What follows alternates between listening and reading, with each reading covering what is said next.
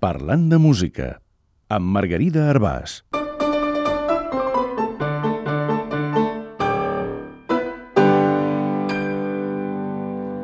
Música i mobiliari. La paraula mobiliari ve del llatí mobilis, que vol dir mòbil, és a dir, que es pot moure. De fet, canviar els mobles de lloc és la típica cosa que fem quan volem un canvi a casa amb la mínima despesa. Mobiliari, fusta i música són matèries molt vinculades. De fer mobles se n'encarreguen els fusters, o més concretament els ebanistes, que treballen amb fustes fines com l'eben, del qual ve el nom de l'ofici. I una de les especialitzacions de l'ebanisteria és la luthieria, la fabricació d'instruments musicals.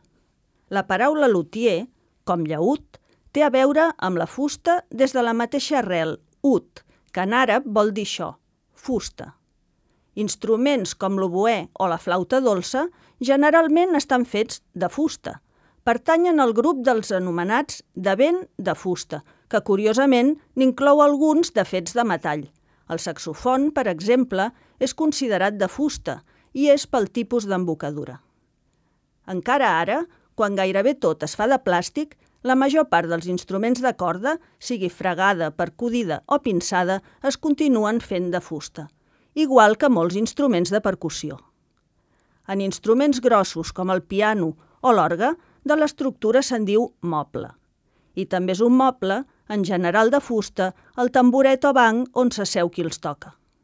La fusta transmet calidesa i humanitat, Venen de la fusta l'escalfor de la llar de foc i els mobles de casa.